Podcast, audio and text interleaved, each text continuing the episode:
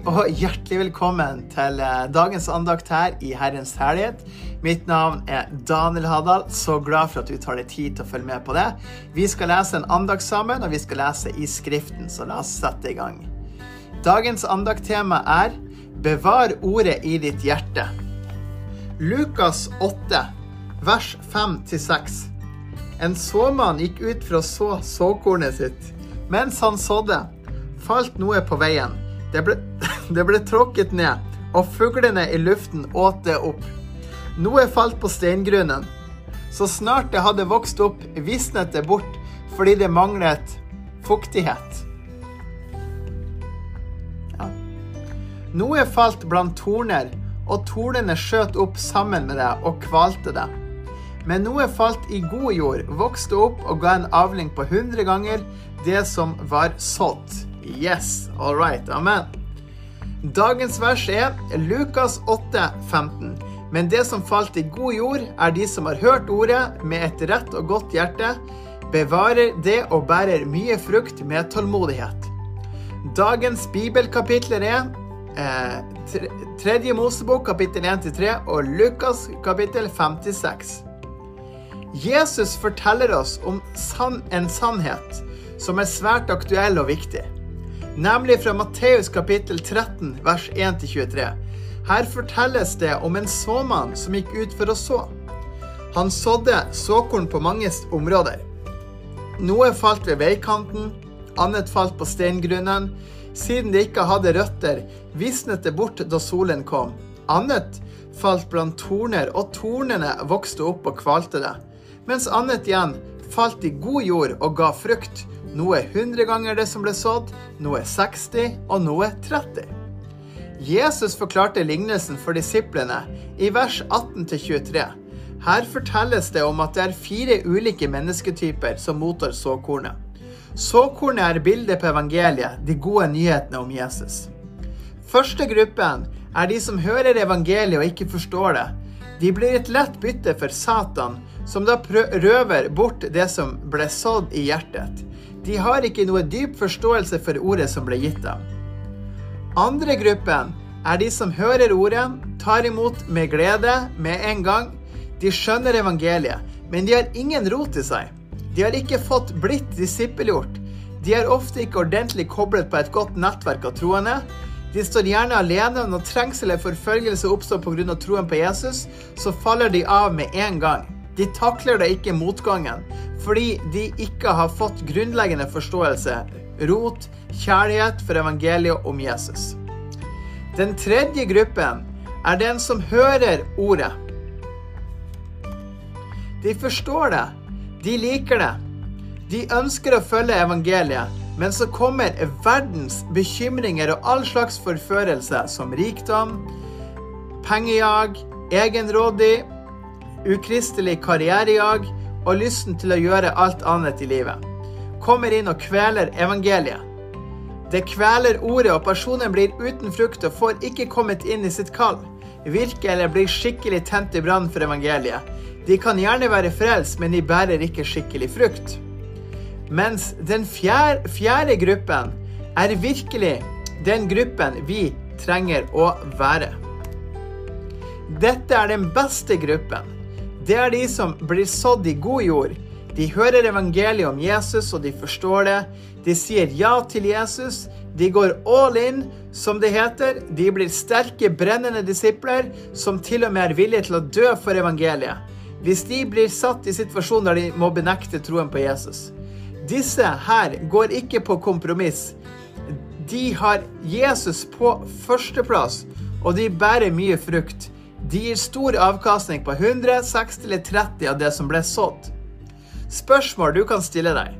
Hva slags gruppe føler du at du er i? Hva kan du gjøre for å bevare ilden og ikke bli kvalt av verdens bekymringer og lysten etter alt annet? Ord fra Herren. Ta det her til som at Jesus snakket til deg direkte. Vær ikke egenrådig. Sett din lit til meg. Ta vare på de ordene jeg har delt med deg, det som har blitt sådd i ditt hjerte, profetiene du har fått, oppmuntringer fra meg, personlige hilsninger og kall jeg har lagt ned i ditt hjerte. Vær tålmodig og vær i meg, og du vil bære mye frukt. Jeg er alt du noensinne trenger eller lengter etter.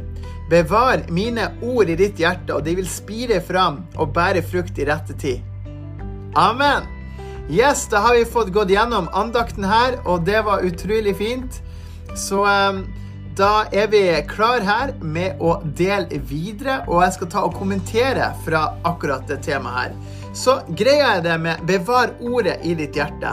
Vi trenger å bevare ordet. altså er liksom, Det er fire grupperinger Jesus snakker om. Det er de som hører ordet med begeistring og sånn 'wow, så bra', og så forsto de det ikke.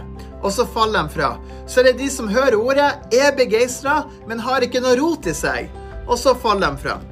Så er det de som hører ordet, supergira, superhappy, superbra, og så blir de frista av verdens bekymringer, verdens rikdommer, og de har lyst til å gjøre alt annet, og så bærer de ikke frukt. Og så er de som blir sådd i god jord. De hører ordet, de blir tent i brann, og de er klare til å gjøre det som skal til, og så går de og så bærer de frukt. Noe 30-fold, 60-fold, 100-fold, og så er det med å virkelig bære, bære frukt. Så vi ser jo det i Lukas 8,15. Men det som falt i god jord, er de som har hørt ordet med rett og godt hjerte, bevarer det og bærer frukt med tålmodighet. Så hvordan kan du være en av grupperingen nummer fire? Jo, ved at du innstiller deg på at du ønsker å bære god frukt. Ved at du faktisk går inn for å bli disippelgjort. Du oppsøker menighet. Du lar menigheter få lov til å disippelgjøre deg. Du eh, tar grunnkurs i kristen tro. Du tar et alfakurs. Du velger å søke Gud. Du velger å la Den hellige ånd jobbe i deg. Du velger å bli fylt med Den hellige ånd. Og så er du med å tjene i lederskap, og så får du lov til å vokse i Gud. Så du får styrke til å virkelig gå og vandre og være et levende bevis for verden om at Gud er til stede, og at Gud elsker mennesker. Så det er noe du har lov til å gjøre, og noe man kan gjøre som troende i dag. Det er utrolig sterkt. Så vi kan få lov til det, vi har muligheten til det, til å gå rundt der, til å bære frukt. Så det er opp til oss så trenger vi å passe oss på at vi ikke havner i gruppa nummer tre av dem som hører ordet, har rot i seg, men, som, men så er det sånn at de blir frista av alt mulig annet. Alt mulig annet av tilbud i verden og sånt, og fristelser tar deg bort fra Jesus, så du ikke bærer frukt. Det blir kvalt, rett og slett. Det kallet som ligger over deg, og det Jesus har gjort i deg. Mange kristne er i den kategorien hvor de har sterke møter med Gud, og de er gira, de har blitt disippelgjort, men så kommer det ting i veien. Familielivet dukker opp skikkelig, kriser dukker opp i livet, ting du ikke hadde forutsett dukker opp, og plutselig er du interessert i alt annet, og så er ikke lenge Jesus på nummer én førsteplass, og så bærer du ikke frukt. Så er det sånn at du blir det man kaller for en, en lunken eh, kristen, rett og slett. Og det ønsker vi ikke. Vi ønsker å være brennende og ha fire i oss, sånn at vi har en fire og ild. For det, det er ilden vi trenger. Og det er jo klart at vi trenger For å bære frukt så er det ikke sånn at vi sjøl skal ha disiplin, men det handler om å være Jesus. Det handler om at du velger å hvile i Jesus sitt nærvær. Lar han få lov til å bruke deg, ta del i deg, slå rot i deg, og at du velger å vokse i Jesus. Og da er det sånn, da bærer du frukt automatisk. Da er det på autopilot at det skjer frukt. Da er det på autopilot at folk blir helbreda. Da er det på autopilot at folk blir berørt av, av Guds eh, evangelie. For meg i dag, uten å ha prøvd engang, så har jeg fått lov å ha nevnt Jesus for 1, 2, 3, 4, 5, 6, 7, 8, 9, 10, 11, 12, 13, 14, 15 stykker. Bare på noen timer mens jeg var ute, liksom. Både gjennom video og ellers fysisk, eller ansikt til ansikt. da. Så det er ting man kan få lov til å gjøre. og Var det noe var det sånn her, uff, nå skal jeg dele om Jesus? Nei, det bare skjer. Det er bare en flyt. Det bare flyter over. Fordi det hjertet er fylt med, det vil munnen tale ut i overflod. Så Derfor kan du få lov til å dele om Jesus til mennesker rundt deg og være et lys. Og som troende er vi kalt til å være et lys for verden. Vi er kalt til å være en velsignelse. Så at når mennesker møter oss som tror på Jesus, så får de en berørelse av Jesus. De får erfare Jesus, de får kjent på Jesus sin kraft. De får et møte med Jesus, og så får de lyst til å følge Jesus. De kjenner bare Wow, jeg vil ha det her du deler om. Jeg syns det her er spennende. Jeg vil ha det Jesuslivet her. Wow, jeg syns det her er bra. Jeg har lyst til å søke Gud med mitt liv og mitt hjerte. Så hvordan skjer det? Jo, det skjer ved at vi bærer frukt. Og det gjør vi ved å være i Jesus. fordi at når vi er i ham, da bærer vi masse frukt. Det står i Johannes evangeliet. Den som blir i meg og jeg i ham, bærer mye frukt. For uten meg kan dere slett ikke gjøre noe. Jeg er vintreet, dere er grenene. Amen. Så det er jo litt de tingene som står der. Men nå skal jeg ta og lese hele den kapittel 8 til verset 15 her, så dere får høre det. det i... Um, i, uh, i, Skriften, så jeg skal ta og, og lese, lese det for dere. Da står det her Deretter gikk Jesus gjennom hver by og landsby, og han ropte ut og forkynte evangeliet om Guds rike. De tolv var med ham. Da gikk han rundt og helbreda. Han bare sa Guds rike kommet nær. Han la hendene på syke, han kastet demoner, han helbreda syke. Han var virkelig en, en, mann som bare virkelig spredte Guds rike. Det var det Jesus gjorde. Han er jo både 100% Gud og 100 menneske. Guds sønn. Det var også noen kvinner som var blitt helbredet fra onde ånder og sykdommer. Maria, som ble kalt Magdalena, som sju demoner var kommet ut av. Og Johanna, kona til Kusa, Herodes forvalter, og Susanna og mange andre som tjente ham med det de eide. Lignelsen om såmannen. Da en stor folkemengde hadde samlet seg, og de var kommet til ham fra hver by, fortalte han en lignelse. En såmann gikk ut for å så såkornet sitt. Mens han sådde, falt noe på veien. Det ble tråkket ned, og fuglene i luften åtte opp. Noe falt på steingrunn, så snart det hadde vokst opp, visnet det bort fordi det manglet fuktighet. Noe falt blant torner, og tornene skjøt opp sammen med det og kvalte det. Men noe falt i god jord, vokste opp og ga en avling på hundre ganger det som var sådd. Yes, det er det her vi har delt om. Da han hadde sagt dette, ropte han, Den som har ører å høre med, han hører. Da spurte disiplene ham, Hva betyr denne lignelsen?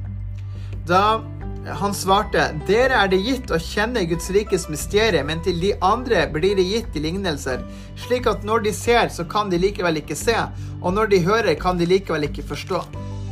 Og lignelsen blir forklart. Lignelsen er slik å forstå. Såkornet er Guds ord. De på veien er de som hører, men så kommer djevelen og tar ordet bort fra hjertet deres, så de ikke skal tro og bli frelst. Det er gjerne eh, en del Det kan være lyttere, det kan være flere mennesker man kommer i kontakt med. Og de på steingrunn er de som tar imot ordet med glede når de hører, men de har ingen rot. De tror en tid, men i prøvelsens stund faller de fra. Og det som falt blant torner, er de som har hørt, men som på vandringen kveles av bekymringer, rikdommer og livets lyster, som ikke gir moden frukt. Men det som falt i god jord, er de som har hørt ordet med et rett og godt hjerte, bevarer det og bærer frukt med tålmodighet. Amen. Og det er jo det dere skal få lov til å være. Være de som virkelig bærer god frukt med tålmodighet. Altså, vi er tålmodig. Vi tar det i Guds timing, det med å bære frukt. Vi stresser ikke etter det. Vi tar det etter som det kommer. Yes. Amen. Takk og lov. Takk, Jesus. Da skal vi be en bønn. Legg hånda di på hjertet hvis du ønsker det, så skal jeg be for deg. Jeg ber for om du er troende eller ikke troende. Jeg bare ber for deg generelt om at Jesus skal få lov til å røre ved deg der du er, i Jesus sitt mektige navn. Takk og lov. Amen. Kjære Jesus, jeg takker for enhver lytter akkurat nå som, eh, som, hører på det her. Jeg ber om at du skal fylle opp personen med din fred, Herre. Jeg ber om at de skal bære frukt, Herre, og gå ut og bære frukt og ha en guts etter deg, ha en lengsel etter deg og ha et hjerte etter ditt rike, Jesus. Jeg ber for dem, Herre, at de skal få lyst til å virkelig leve livet med deg, Jesus, og vandre med deg, Herre, og gå sammen med deg, Herre. Jeg takker deg for dem, Jesus. Takk for de lytterne her. Takk for at du er med dem, Herre. Vær med, styrk dem, Jesus. Og jeg takker deg for din utrolige gode takknemlighet. Takk for din store kjærlighet, Jesus. Du er så utrolig, utrolig bra, Jesus, og du er så utrolig god. Takk, Jesus, for det i ditt mektige, mektige navn. Halleluja. Takk og lov, Jesus. Du er kongenes konge. Amen. Yes, så fint å be for deg akkurat nå. Amen. Vi ber, og nå skal vi ta og lese sammen i Skriften. Vi skal lese i Bibelen. Så hvis du har en bibel, så gjerne finn frem, eller så kan du gå inn på bible.app eller noe sånt. Bible-app. Last ned fra uh, iStore eller um, Google um, Store, eller gå inn på nett vanlig. Så skal vi lese her i Lukas kapittel 5 og 6. Så la oss gjøre det. Amen. Her blir spennende.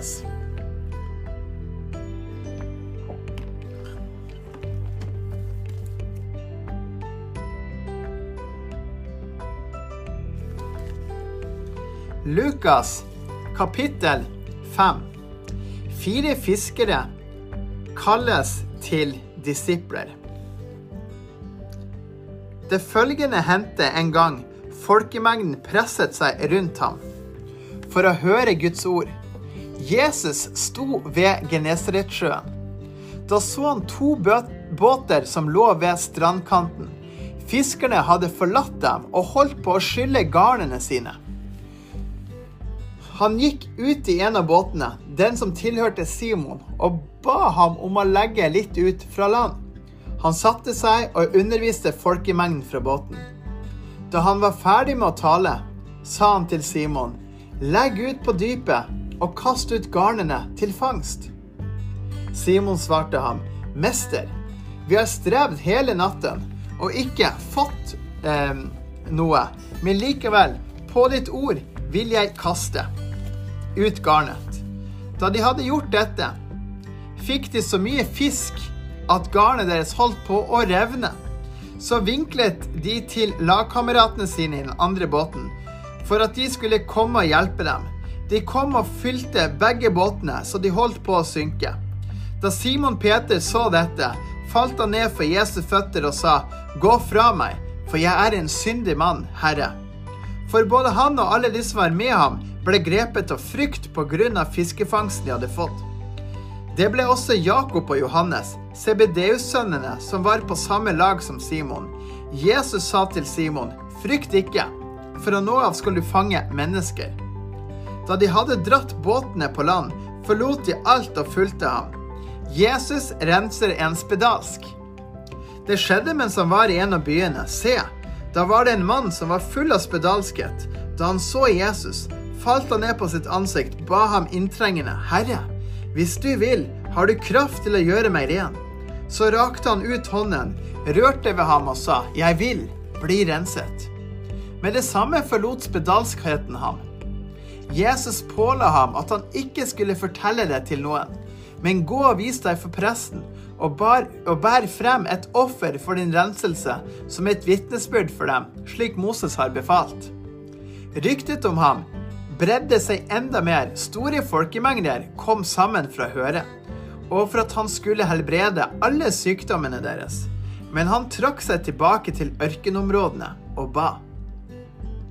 Jesus tilgir og helbreder en lam.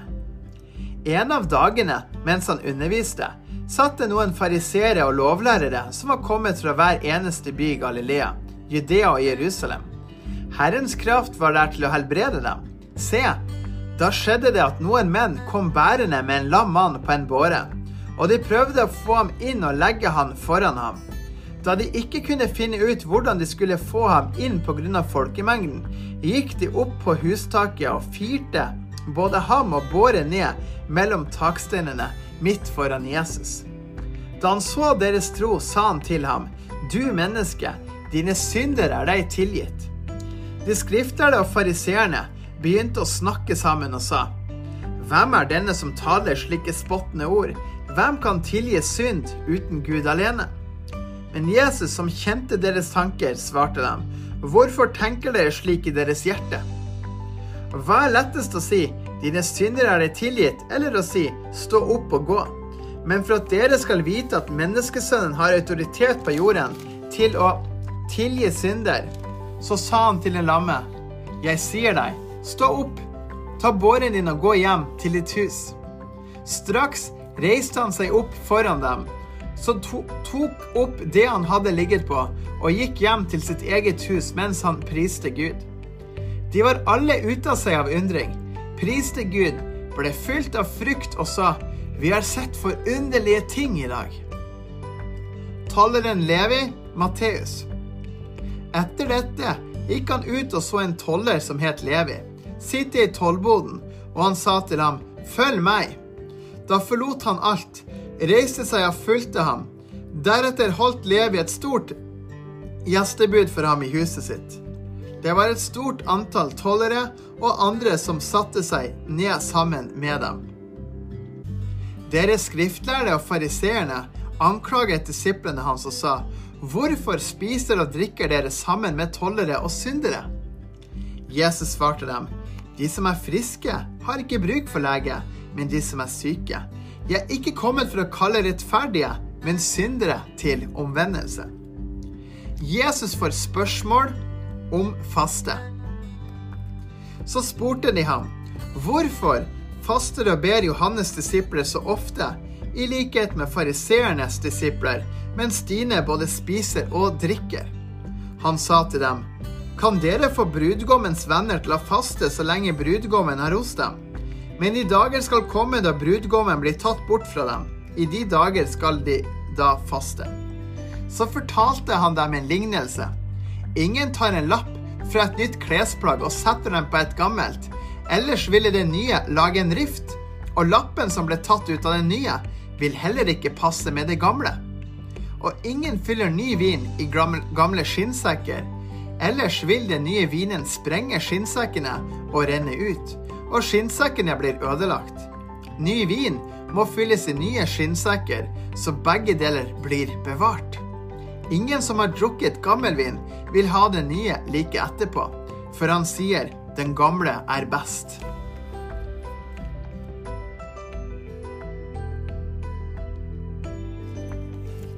Lukas kapittel 6 Jesus er herre over sabbaten.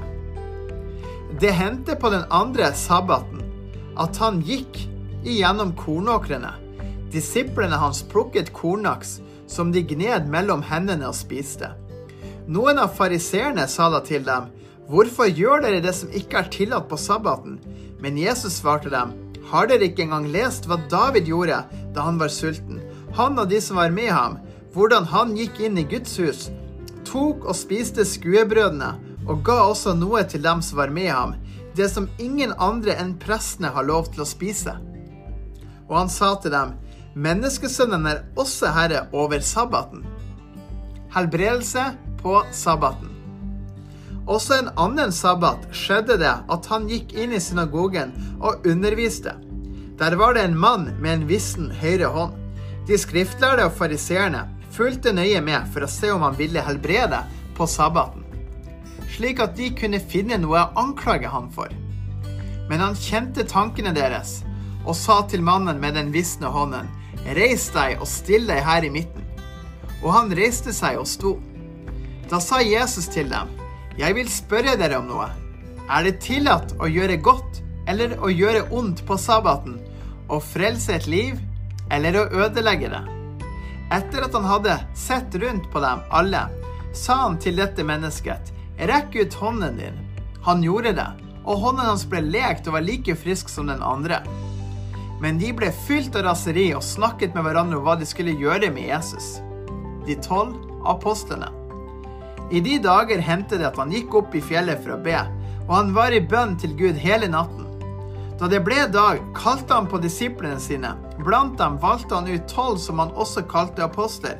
Simon, som han også ga navnet Peter, og hans bror Andreas, Jakob og Johannes, Philip og Bartolomeus, Matteus og Thomas og Jakob, sønn av Alfeus og Simon, som ble kalt Seloten, Judas, sønn av Jakob, og Judas Iskariot, som også ble en forræder.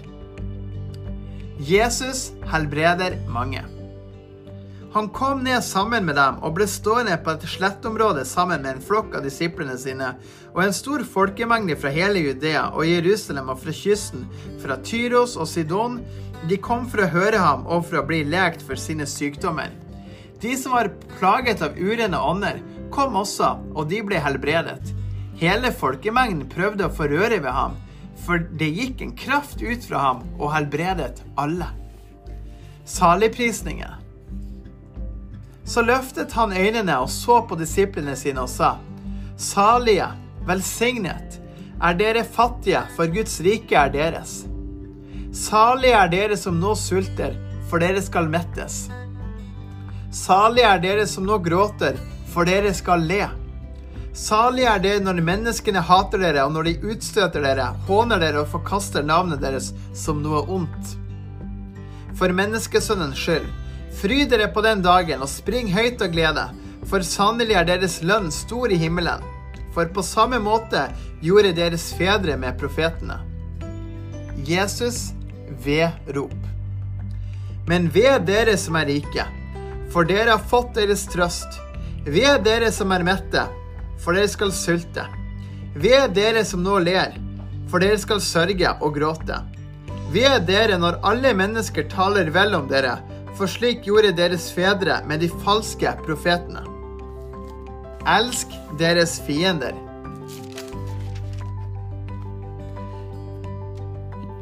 Gjør godt mot dem som hater dere.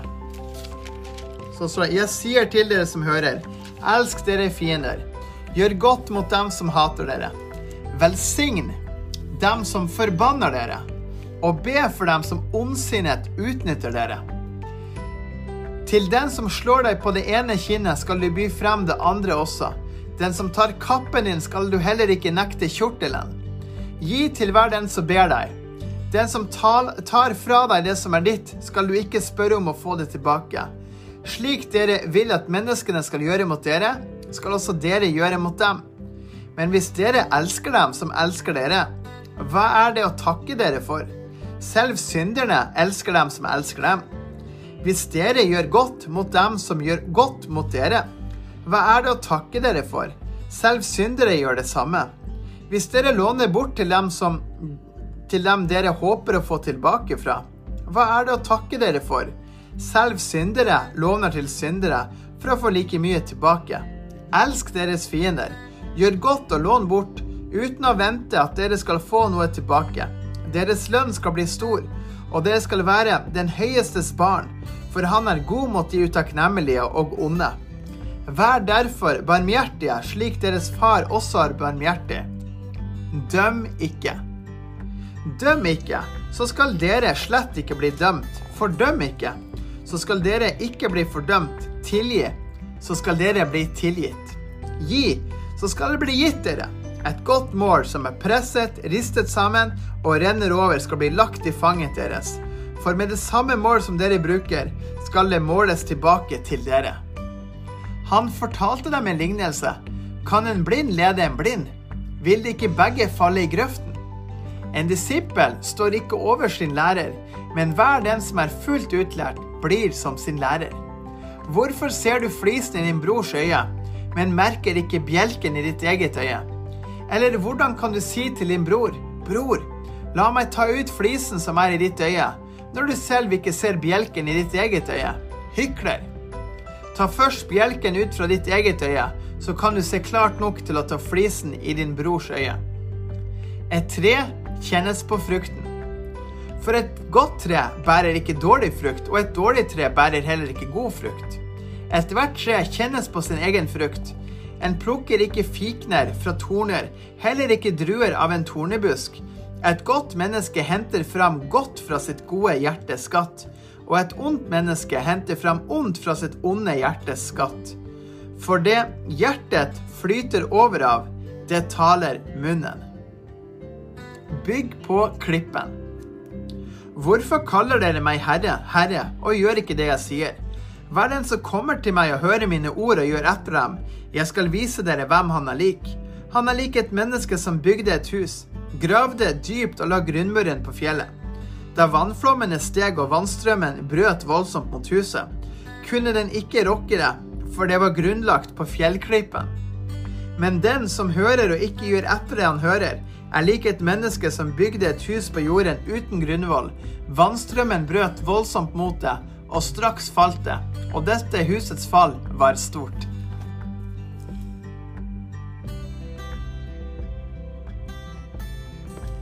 Ja, da har vi lest her i kapittel både fem og seks. Og tenk på å bygge på klippen. det er jo det Når vi på en måte leser de ordene her, så er det jo én ting å høre det, en annen ting å gjøre det. Jesus sier det å være en ordets gjører og ikke bare en order. Han sier, 'Hver den som kommer til meg og hører mine ord og gjør etter dem', han er lik en som gravde liksom huset sitt på et fjell. Og da var det sånn at når regnet kom og det kom tøffe ting, så gikk alt sammen bra. Da sto det. Men den som ikke var en ordets hører, han bygde huset sitt på sand. Og da ble jo det egentlig totalt ødelagt når stormen kom, osv. Så, videre. så det er jo noe å tenke på og ta til seg i hjertet sitt, litt i de tankene her. Og, og vite det at det er noe vi kan eh, både huske på og, og ha i, i, hverdagen vår når vi ønsker det. Så la oss tenke litt på det og trakte etter det og bare vite det.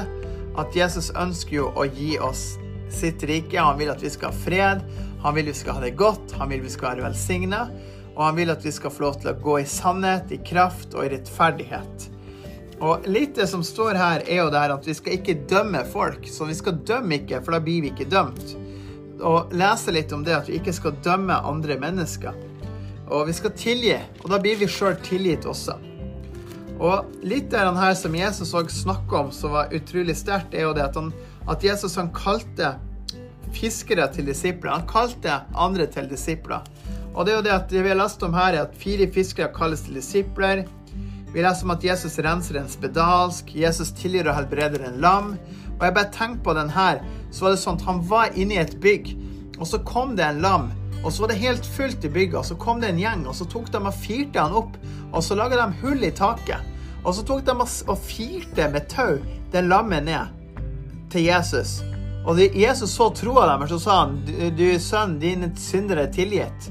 Da var det flere som reagerte, og så sa han, hva er lettest å si? Dine syndere er tilgitt til å si at du er helbreda. Så sa han du er helbreda. Og så var personen helbreda. Og det er jo helt rått. Og, og, og, Jesus sier, men Jesus som kjente deres tanker, svarte, hvorfor tenker dere slik i deres hjerte? Hva er lettest å si? Dine syndere tillit eller å si stå opp og gå? Men for at dere skal vite at menneskesønnen har autoritet på jorden til å tilgi synder, så sa han til den lamme, jeg sier deg, stå opp, ta båren din og gå hjem til ditt hus. Så det her skjedde. Så leser vi om eh, tolleren Levi, Matteus. Vi leser om at Jesus får spørsmål om faste. Og, og vi leser også om at Jesus er herre over sabbaten. Vi leser at han har helbredelse på sabbaten som skjedde. Han kalte til seg de tolv disiplene, apostlene sine. Jesus helbreder mange. Vi leser om saligprisninger, om dem som er fattige i ånden, for riket er deres. Det er dem som er fattige. Dem som nå sult, for de skal mettes og, og de ulike folkegruppene, som bare er utrolig fascinerende og sterkt. Og vi leser om at vi ikke skal dømme, og så leser vi om at godt tre kjennes på frukten. Og hva vil det si om at et eh, at godt tre kjennes på frukten? Det er jo noe som er eh, revolusjonerende, vil jeg si. Det at et godt tre kjennes på frukten. Hva, hva i all verden er det? Hva vil det si at et godt tre kjennes på frukten? Fordi at et ondt tre kan ikke bære god frukt. Og en og et dårlig tre kan heller ikke bære dårlig frukt, et, og et ondt tre kan ikke bære god frukt. Så står det her Hvert tre kjennes på sin egen frukt. For et godt tre bærer ikke dårlig frukt, for et dårlig tre bærer heller ikke god frukt. Så det er noe å forstå i forhold til folk, mennesker, hensikter, hvem de er for noen. I, i, i liksom både eh, gjerninger som, som folk har, osv. For å forstå videre. Så det er en kjempenøkkel, det her. Virkelig nøkkel. Amen. Så det var litt om det. Amen. Er det ikke spennende? Lese Guds ord her og bare ta til seg det og vite det at wow, Jesus, han er så utrolig god, god med oss. Og han er virkelig en som tar vare på oss, som ser oss, og som ser deg. Han elsker deg. Så gjerne les Skriften. Og les det, og stress ikke gjennom, men les det, mediter på ordet. Ta til deg det.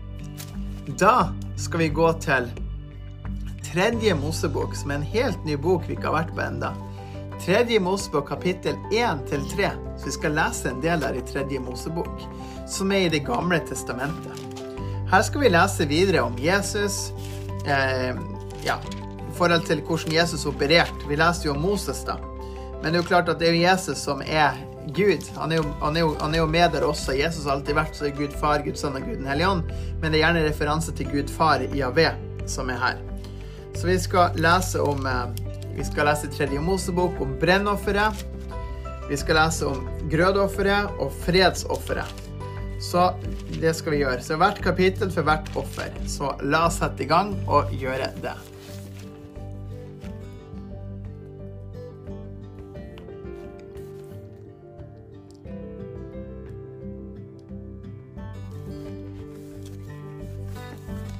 Tredje Mosebok, kapittel 1. Brennofferet. Herren kalte på Moses. Han talte til ham fra åpenbaringsteltet og sa:" Tal til Israels barn og si til dem:" Når noen av dere kommer med en offergave til Herren, skal dere komme fram med offergaven av budskapen, av storfeet og av småfeet. Hvis offergaven er et brennoffer av storfeet, skal han komme fram med et hanndyr uten feil. Han skal komme fram med det ved døren til åpenbaringsteltet, så det kan finne velbehag for Herrens ansikt. Så skal han trykke hånden mot hodet til brennofferet, og det skal bli tatt imot i hans sted, så det er til soning for ham. Han skal slakte den unge oksen for Herrens ansikt, og prestene, Arons sønner, skal komme fram med blodet og stenke blodet rundt på alteret som står ved døren til åpenbaringsteltet.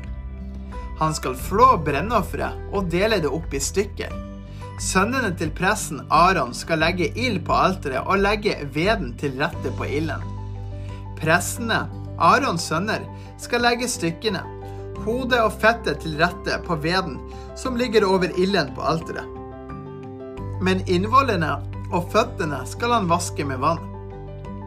Presten skal la alt sammen gå opp i røyk på alteret, som et brennoffer, et matoffer, en velbehagelig duft for Herren. Hvis offergaven er av småfet, av sauene eller av geitene, som et brennoffer, da skal han komme fram med et hanndyr uten feil og mangler. Han skal slakte det på nordsiden av alteret for Herrens ansikt. Prestene, Arons sønner, skal stenke blodet av det rundt på alteret. Han skal dele det opp i stykker, både med hodet og fettet. Presten skal legge dem til rette på veden som ligger over i ilden på alteret. Men innvollene av føttene skal han vaske med vann. Så skal presten komme fram med alt sammen og la det gå opp i røyk på alteret. Det er et brennoffer, et matoffer, en velbehagelig duft for Herren. Hvis offergaven hans til Herren er et brennoffer av fugler, skal han komme fram med offergaven sin av turtleduer eller unge duer. Presten skal komme fram med det til alteret. Vri hodet av og la det gå opp i røyk på alteret. Blodet skal krystes ut på siden av alteret, og han skal fjerne kråsen sammen med fjærene og kaste den ved siden av alteret, på østsiden, ved den fete asken. Så skal han kutte opp ved vingene uten å dele den i to. Presten skal la den gå opp i røyk på alteret. På veden som ligger over ilden. Det er et brennoffer, et matoffer, en velbehagelig duft for Herren. Kapittel 2 Grødeofferet. Når noen kommer fram med en offergave som er et grødeoffer til Herren, skal offergaven være fint mel. Han skal helle olje på det og legge i røkelse. Han skal føre det fram til Arons sønner, prestene, og en av dem skal ta en håndfull fint mel og olje sammen med all røkelsen. Presten skal la det gå opp i røyk som et påminnelsesoffer på alteret. Et matoffer, en velbehagelig duft for Herren. Det som blir til overs av grødeofferet, skal tilhøre Aron og hans sønner. Det er høyhellig blant matofrene for Herren. Hvis du kommer fram med en offergave som er et grødeoffer bakt i ovnen, skal det være usyrede kaker av fint mel, blandet med olje, eller usyrede brødleiver smurt med olje.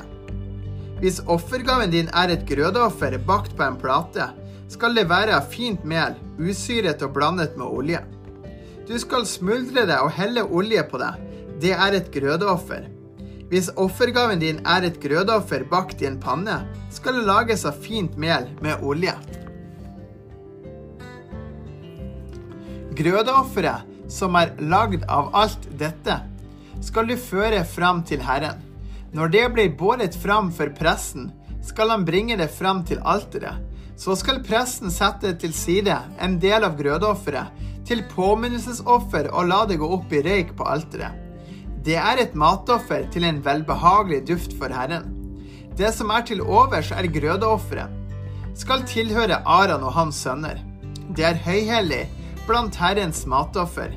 Ikke noe grødeoffer som dere kommer frem med til Herren, skal være lagd med surdeig. For ikke noe surdeig eller honning skal gå opp i røyk som matoffer til Herren. Som offergave av førstegrøden kan dere komme fram med slike offer til Herren, men de skal ikke ofres på alteret til en velbehagelig duft. Hver offergave av grødeofrene dine skal du krydre med salt. Du må ikke la det mangle salt fra din Guds pakt i grødeofferet ditt. Sammen med alle offergavene skal du komme fram med salt. Hvis du kommer fram med et grødeoffer til Herren av førstegrøden din, skal du komme med knust korn av nymodne aks, ristet over ilden. Du skal helle olje på det og legge på røkelse. Det er et grødeoffer. Så skal presten la påminnelsesofferet gå opp i røyk. En del av det knuste kornet og en del av oljen, sammen med all røkelsen. Det er et matoffer for Herren. Kapittel 3 Fredsofferet.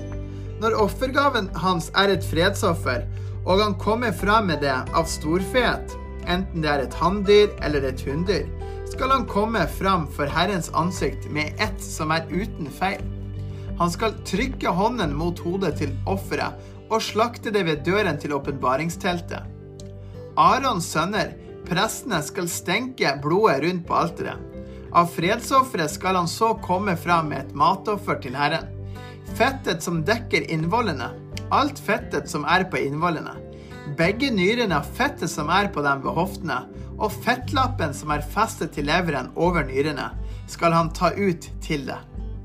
Arons sønner skal la det gå opp i røyk på alteret sammen med brennofferet, som ligger på veden over ilden, som et matoffer, en velbehagelig duft for Herren.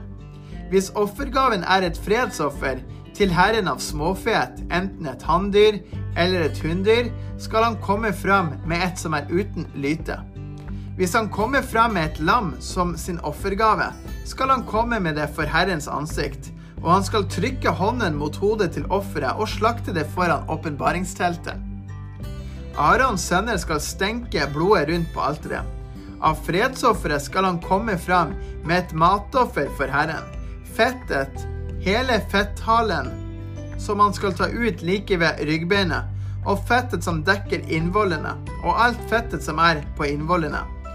Begge nyrene og fettet som er på dem ved hoftene, og fettlappen som er festet i leveren over nyrene, skal han ta ut. Presten skal la dem gå opp i røyk som mat på alteret, et matoffer til Herren. Hvis offergaven er en geit, skal han komme fram med den for Herrens ansikt.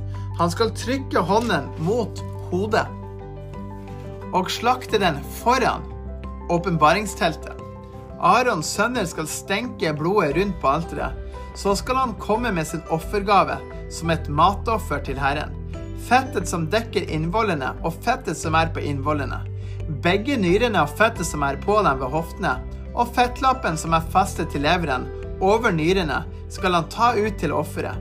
Pressen skal la dem gå opp i røyk som mat på alteret, et matoffer til en velbehagelig duft. Alt fettet tilhører Herren.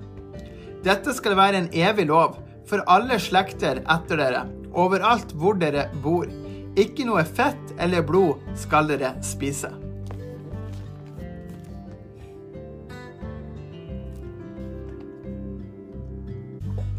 Takk og lov. Takk, Jesus. Da har vi fått gått gjennom dagens andakt her, og vi leste tredje Mosebok, kapittel 1-3 også. Så det er jo fantastisk. Eh, så Gud er god, altså. Veldig bra. Så eh, se frem mot det her. Se frem mot det Jesus skal gjøre. Se frem mot eh, at Gud skal virke i livet deres. Og gled meg til det. Gud er bare utrolig, utrolig god. Så eh, veldig kjekt at du har eh, fått med deg det her, og få med deg òg eh, eh, ja, andakt i morgen også. Ta til deg den andakten her. Og gjerne gå inn på danielhadal.no for å lese andakt. Danielhaddal.com for å holde kontakt, kan du skrive inn e-postadresse. Og du gå inn på YouTube på Daniel Haddal og Spotify på Daniel Haddal og følge med der. Så er, så er det bra å få med seg de her andaktene. Gud velsigne deg rikelig. Må du ha det godt så lenge, og tusen takk for at du fulgte med. Guds velsignelse over deg. Amen.